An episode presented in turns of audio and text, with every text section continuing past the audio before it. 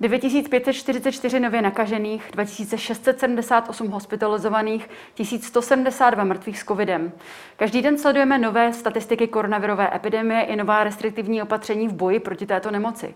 Školy, restaurace, divadla i sportovní zařízení jsou uzavřena. Jaké psychologické dopady mají tato opatření i všudy přítomná nejistota na ty nejmenší a na rodiče? Nejen o tom budeme hovořit s psycholožkou a ředitelkou pedagogicko-psychologické poradny pro Prahu 1, 2 a 4 Galinou Jarolímkovou. Já jsem Pavlína Horáková. Vítejte v dnešním epicentru.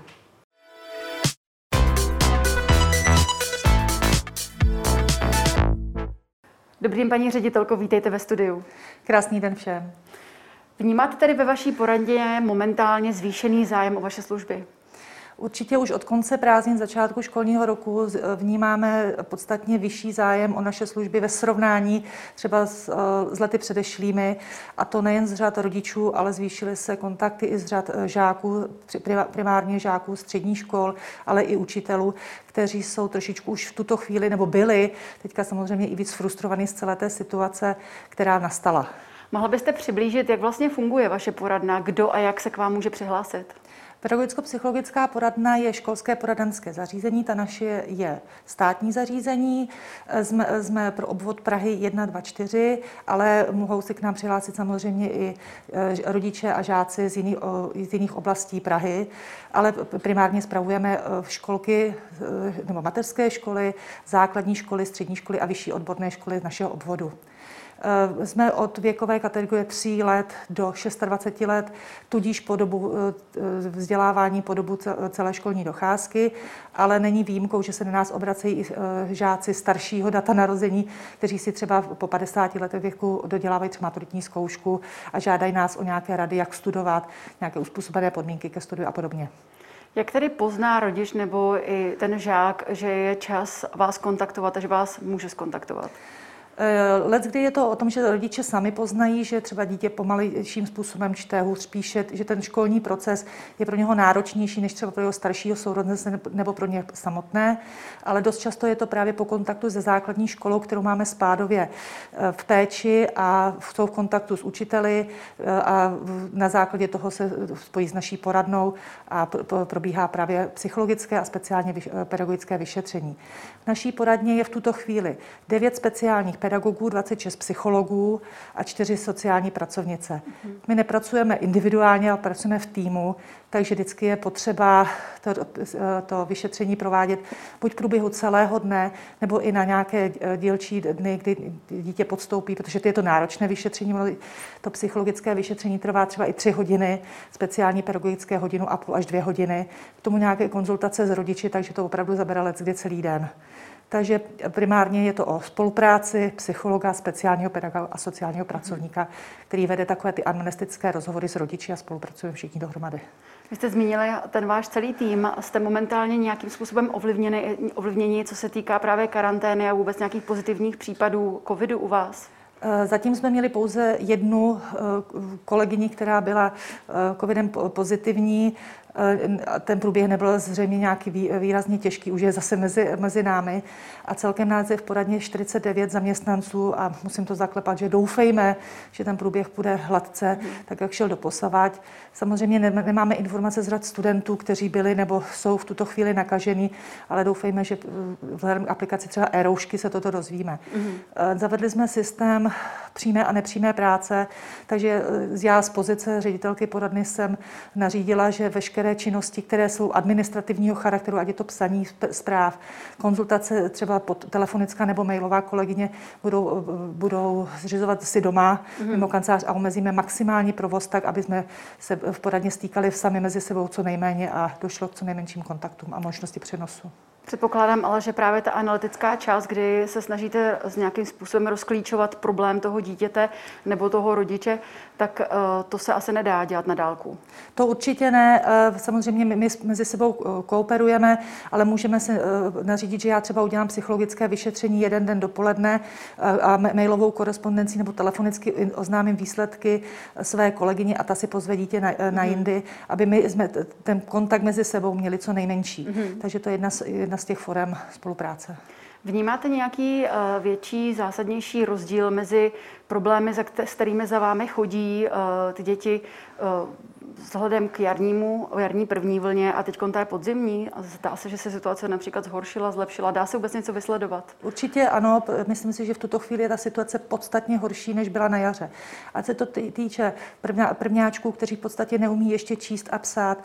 Velký problém jsou pro mě letos maturanti, studenti čtvrtých ročníků a třetích ročníků eh, výučních oborů, kteří, kterým chybí praxe. Mají už nějaké které mezery z jara a tenhle distanční studium moc na náladě ani na vědomostech nepřidá. Takže všichni můžeme pouze doufat v to, že ta situace bude co nejkratší dobu trvat a všichni se vrátíme do běžného provozu mm-hmm. tak, aby se i tyhle ty děti mohly vzdělávat tak, jak chtějí. Kdyby vlastně ta situace v jarní nenastala, málo kdo z nás si vlastně i uvědomí to, jak zájemně si chybíme. Mm-hmm. Spousta studentů brala, a ty, ty budou vždycky takový studenti, eh, když nemusím do školy, hurá ale najednou na jaře jsme si uvědomili, jak si vzájemně chybíme, jak se těšíme, jak se děti těší sami na sebe, jak se na sebe těší i učitelé s dětmi vzájemně, protože jim ta distanční výuka a takový to, eh, ta výuka přes internet, když se vidí pouze přes tu obrazovku, absolutně nevyhovuje. Mm-hmm. Takže jsme si všichni uvědomili, jak je důležitý ta osobní kontakt a prezenční výuka nikdy, nebo distanční výuka nikdy nenahradí tu prezenční výuku. Je to taková, jako bych řekla, pouze jenom do uh, náhražka mm-hmm. nebo doplnění mm-hmm. toho daného studia.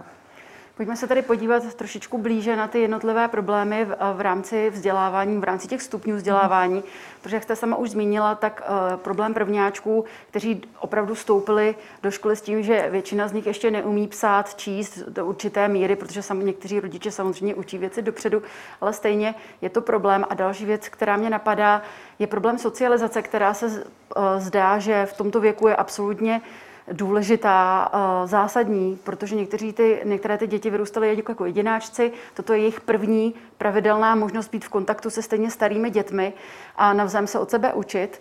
Eh, jak, jak, jak vidíte tento problém vy? Eh, nástupem do první třídy děti nebyly poprvé v kontaktu, protože máme povinnou předškolní výchovu, takže už měli povinnou výchovu v mateřské školce, kam museli povinně docházet. A samozřejmě ten eh, dopad psychický může, být, eh, může mít fatální následky. Neříkám, že tak to bude, ale my už takhle predikujeme, protože ty děti potřebují kontakt. Ta izolace, která je, je těžká pro všechny jo, hmm. z nás. Nejenom pro ty děti. Ne, myslím si, že nejhůř tu izolaci nesou takový jako žáci z uh, druhý stupní základní školy, taková 8. 9. třída a střední školy, kdy už jsou ty sociální vazby daleko víc navázanější než třeba u těch malých dětí. My dospě, dospělí si najdeme nějaké své kompenzační mechanismy, hmm. jak, jak se zabavit. Máme práci, máme domácnost, uh, můžeme si pustit nějaký film, přečíst si knížku, ale ono je velmi těžké mladým dět, malým dětem a mladým lidem vysvětlovat, proč dneska už nemůžeme to, co jsme mohli před dvěma měsíci, proč to teď nejde, proč to, proč to tehdy šlo a podobně. Takže to je jedna z taky z otázek, vlastně na co my dneska často odpovídáme, jak mailovou formou, tak telefonickou konzultaci s těmi středoškoláky, s těmi dětmi, ale i s rodiči, mm-hmm. jakou formou to těm dětem vysvětlit doporučila u těch malých dětí opravdu sednout si, teď je to velká zodpovědnost hozená na rodiče. Mm-hmm. Eh, rodiče by měli adekvátně věku a dané situaci vysvětlit, nepřehánět, nedramatizovat, ale zase nějakým způsobem nebagatelizovat tu situaci, která nastala. Adekvátně věku vysvětlit, proč dneska nemůžeme eh, jít eh, ven, nemůžeme navštívit babičku, protože by jí to ohrozilo a podobně. Takže mluvit s dětmi to je jeden z těch mechanismů, který ty děti nějakým způsobem to vykompenzuje. Ale určitě zase neizolovat ty děti tak, aby byly teďka měsíc, dva zavřené doma. Mm-hmm. Domluvit se, jít na procházku, jít ven, jít do lesa, děti potřebují děti, ale třeba domluvit se jenom ve dvojicích, samozřejmě po dodržení všech bezpečnostních opatření, a jsou to roušky, eh, hygienické gely s sebou a podobně a jít, třeba se proběhnout, jít na kolo, aby ty děti nestratily kontakt. Jako nejhorší jsou frustrované děti, kterým chybí úsměv a přes, mhm. ten, přes tu roušku ani nevidíme a máme už několik jako objednávek klientů nebo rodičů takových dětí, kteří potřebují naší pomoc. Vy jste eh, sama zmínila, že eh, ta zodpovědnost byla vržená hodně na rodiče, ale rodiče sami musí čelit tomu, že ehm, řeší například svoje podnikání, přece jenom ty ekonomické dopady těch koronavirových opatření jsou opravdu velké, ehm, nebo pracují z domova, nebo, nebo prostě musí být v práci, nějakým způsobem se snaží ehm, korigovat tady tyhle ty povinnosti a nemají čas si s těmi dětmi třeba sednout a věnovat se jim, což je frustrující zase zpětně na ně. Jak tedy, jaké je doporučení v těchto situacích? Určitě eh, bych doporučila naplánovat si průběh celého dne. Mm-hmm. Říct si, kdy, dítě, kdy se dítěti mohu věnovat, eh, co se týče školy, kdy eh, dítěti vysvětlit, kdy já potřebuji pracovat teďka do práce. Dnes říkám, že to je lehká situace, velmi obtížná situace tohleto skloubit. Sama mám dvě dospělé děti a zažívám tu situaci i s dospělými dětmi, že to není jednoduché. Pět lidí doma na home office, napojený na, na i ty technologie mm-hmm. a podobně k tomu vařit, uklízet a starat se ještě o svoji práci, ale obdivu maminky nebo rodiče těch malých dětí, jakým způsobem to musí zvládnout. Určitě třeba v průběhu nejhorší si myslím, že právě ta první, druhá třída, ty ti děti se ještě nejsou schopni třeba napojit ani na ty školní systémy, protože neumí číst, neumí psát, neznají uh, symboly na klávesnici a neví, jak se na toho nalogovat. Takže tam bych doporučila opravdu nějakou jako konzultaci s paní rodičů, s paní učitelkou, předávání úkolů, spíš to jenom opakovat, než učit něco nového, protože máme spoustu druhů výuky. Každá škola jde podle jiných školních vzdělávacích programů. Máme několik druhů písma, jiné druhy čtení, t- e, e, různé metody na, na výuku matematiky, a kterou my jsme třeba jako děti ve škole ani neznali.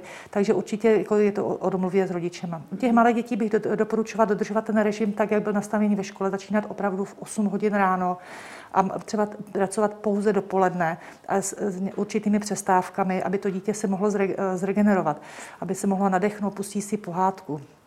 Nedoporučuji moc, eh, aby ty děti trávily velk, eh, hodně času u počítačů. Mm-hmm. I když třeba mají online výuku, třeba ty starší, čtvrtá, pátá, šestá, druhý stupeň, tak uh, tam je to strašně o tom, že ty děti potom i ten volný čas tráví u těch počítačů a pak mají zhoršenou koncentraci pozornosti, jsou roztěkané a neznají jiný. Takže jít se proběhnout ven, pokud ta možnost je, doufejme, hmm. že přestane pršet a v počasí bude adekvátnější a najít si jiné kompenzační mechanismy, než jenom počítač a když byste, když byste měla doporučit nějaký časový údaj, kolik si myslíte, že je uh, taková, ta, takové to maximum, které by ty děti měly trávit denně na počítači? Když to vemu z pohledu i výuky, mm-hmm. tak ty, ten první stupeň maximálně tři hodiny denně. Mm-hmm. Ten druhý stupeň samozřejmě je díl, ale zase v rozloženém, v rozloženém denním režimu. Nemůže to dítě trávit 5-6 hodin v kuse u počítače, protože prostě ten organismus to dlouho nevydrží. Mm-hmm. Takže rozložit to. U ty středoškoláci, eh, nebo takhle, distanční výuka není pouze výuka online přes počítač, aby si diváci uvědomili, že to je samozřejmě individuální práce doma.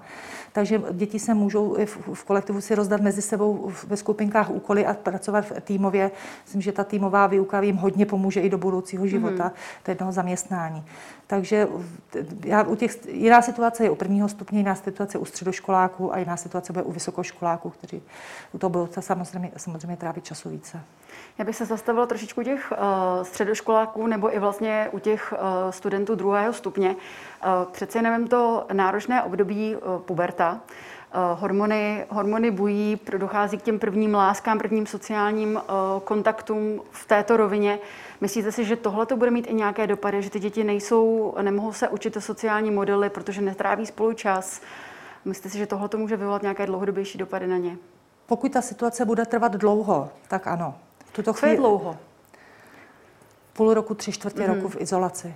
Zatím eh, ta situace pro středoškoláky je 14 dní, pro ty děti ze základní, prvního stupně základní školy druhý den, pro ty druhostupňový vlastně taky, protože se střídali vlastně po týdnu. Takže ta situace zatím není tak kritická pro to, aby si tyhle ty věci, a nemáme ještě, nejsme doma zavřený, nemáme mm-hmm. úplně lockdown, takže bychom nemohli vycházet ven. Ale snažíme se, abychom překonali tuhleto situaci, tohleto chvíli vydržet. Buďme napojení na telefony, sociální sítě, povídejme si, mm-hmm. dodržujeme nějaký sociální kontakt tak, aby nám nebylo úplně smutno, ale omezme osobní kontakt teďka na nezbytně nutnou dobu, protože je to potřeba. Mm-hmm. S čím se vámi nejvíce tady chodí tyhle ty starší žáci? V tuto chvíli asi nejvíce jsou to studenti ukončující středoškolské vzdělání, ty, ty čtvrtáci, protože budou vlastně zrušeny všechny dny otevřených dveří pro jejich výběr vysokých škol, nemají informace, takže jsou to tyhle ty věci z výběru, jak ukončit adekvátně, jak se dobře připravit, jak ukončit adekvátně tu střední školu tak, aby se dostali na vysoké školy. Jsou to i učni třetích ročníků učebních oborů, kteří potřebují tu praktickou část se doučit nebo tak, tak, aby zvládli vůbec ty závěrečné zkoušky a do toho pracovního studijního procesu nastoupili jako vyučený nebo pořádně vyučený studenti, kteří můžou rovnou začít pracovat. Obávám se, že pokud ta, tato situace bude trvat dlouho, tak může dojít k nějakému excesu, že prostě ty děti nebudou dostatečně připraveny pro ten proces vzdělávání hmm. dál. Myslíte si, že se tímhle tím, těmito opatřeními roz, jakoby zvětšuje ty rozdíly mezi těmi dětmi navzájem právě? V připravenosti a vůbec ve vědomostech? Je, je to velmi individuální. Máme žáky, kteří se připravují průběžně eh, celé čtyři roky nebo tři, tři roky na to dané studium a umí se učit, umí s tím pracovat. Máme studenty, kteří se, si myslí, že se na maturitu naučí pouze a jenom, ve zkoušku, jenom eh, v přípravném týdnu před hmm. maturitou. Není to, maturita není proces jednoho týdne, maturita je proces čty, čtyř let, to samý výuční obory celých tří let, jak, je to jak teoretická, tak praktická část. Eh, myslím si, že třeba líp jsou připraveni na to studenti gymnází, kteří jsou víceméně eh, vzdělávaní pouze a jenom teoreticky.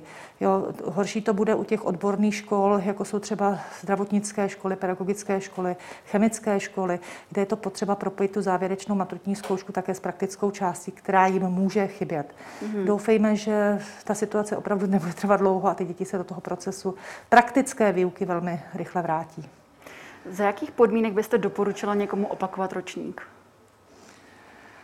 Opakovat ročník není tak jednoduché, může být třeba ze zdravotních důvodů mm-hmm. student, nebo když neprospívá ale jako říct univerzální návod, jak opakovat ročník nelze. Mm-hmm. Tam těch faktorů je tam samozřejmě více a my nejsme od toho, abychom doporučovali opakování ročníku každému e, žákovi, ale snažíme se hledat ty kompenzační mechanismy a pomoct mu tak i s těma třeba u žáků s poruchami učení, tak, aby ten proces se zvládl co nejlépe a nejrychleji. Takže opakování ročníku je pro mě v tuto chvíli to úplně nej, nejméně podstatný nebo nej, nejméně důležitý faktor té přípravy. Mm-hmm. Děláme prostě studenty maximálně všechno tak, aby tu školu zvládli eh, co nejlépe.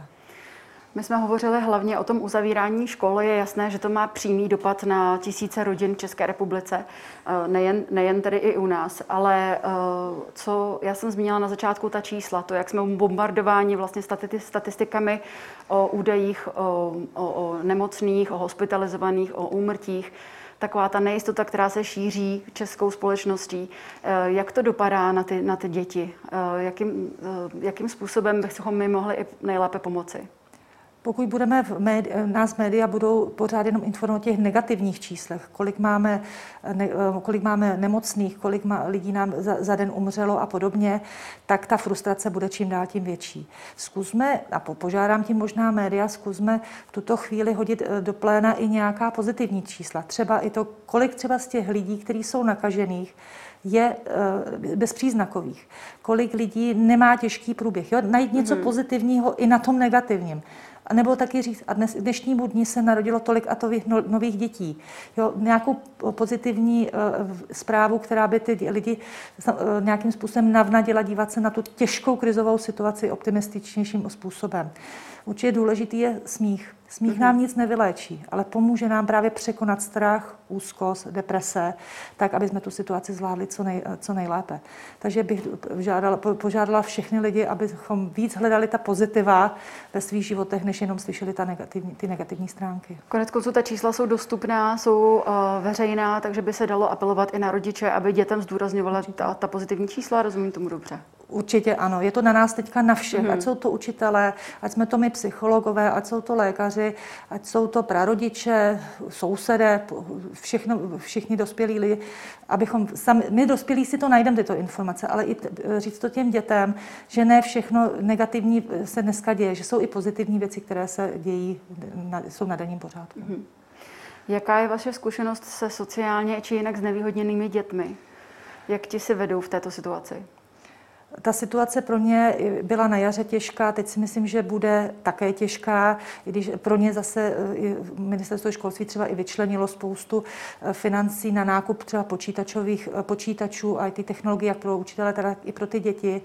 Ta situace pro ně těžká pro ty inkludované děti, protože potřebují individuálnější taky přístup, i když jsou třeba v těch běžných třídách tam bych jako apelovala hodně třeba na asistenty pedagoga, aby byli v kontaktu s těmi dětmi a pomáhali jim. A zase nelze to říct plošně, protože máme děti, které jsou třeba jenom pomalejší. A ta online výuka doma, ta distanční výuka jim hodně pomáhá, protože jedou svým tempem a nejsou stresovaní třeba svými průbojnějšími spolužáky, ale naopak potřebují třeba víc individuální, čin, individuální přístupů, takže tam je to náročnější pro ty paní učitelky, samozřejmě i pro rodiče, mm-hmm. ale i pro, pro ty asistenty pedagoga, aby pomáhali. Vy jste už zmínila uh, během celého našeho pořadu několik těch rad, kterými by se rodiče mohli řídit, aby těm dětem to co nejlépe usnadnili. Zmiňovali jste, zmiňovala jste tedy na trošičku si lépe rozhodnout ten čas. Uh, zmiňovala jste, aby se lidé více smáli. Máte, mohli bychom schrnout nějaké té základní rady, které byste mohla poradit těm rodičům, aby to ty děti měly trošičku jednodušší a aby to bylo jednodušší i pro ně samotné? Určitě je to o komunikaci. Zkusme v tuto chvíli eh, bavit se o pozitivních věcech mezi sebou i o, to, i o těch negativních, co nás trápí, aby ty rodiče věděli, co trápí děti, co jim vadí, nebagalizovat ty jejich problémy, protože let, kdy my dospělí si řekneme, to je problém, nikoho nezajímá. My máme jako dospělí, máme daleko víc starostí, ale jsou to problémy dětské a pro, pro ty děti jsou hodně důležité. Mm-hmm. Takže i v každé rodině, eh, která spolu nějakým způsobem koriguje, jsou schopní spolu trávit volný čas, znají se velmi dobře, může nastat patová situace, protože už jsou eh, sami sebe přesycení. Mm-hmm. Takže určitě vytvořit si prostor každý sám pro sebe. Aby mhm. každý měl možnost v tom bytě nějakého úniku, ať je to třeba koutek, když to jsou malé byty, Eh, tak aby tam třeba chvíli u pracovního stolu mohlo být dítě a potom rodič, aby jsme měli ten prostor sami pro sebe a nebyli pořád jenom pod tlakem sdělování informací. A samozřejmě i děti musí vědět, co trápí rodiče, zase adekvátní formou. Já taky kolikrát přijdu z práce unavená, frustrovaná a někdy neadekvátně zareaguju třeba na svého manžela, na své mm-hmm. děti, ale podstatně se omluvit, vysvětlit to, mm-hmm. proč se takto děje. A tahle doba je velmi těžká právě na ty sociální vazby.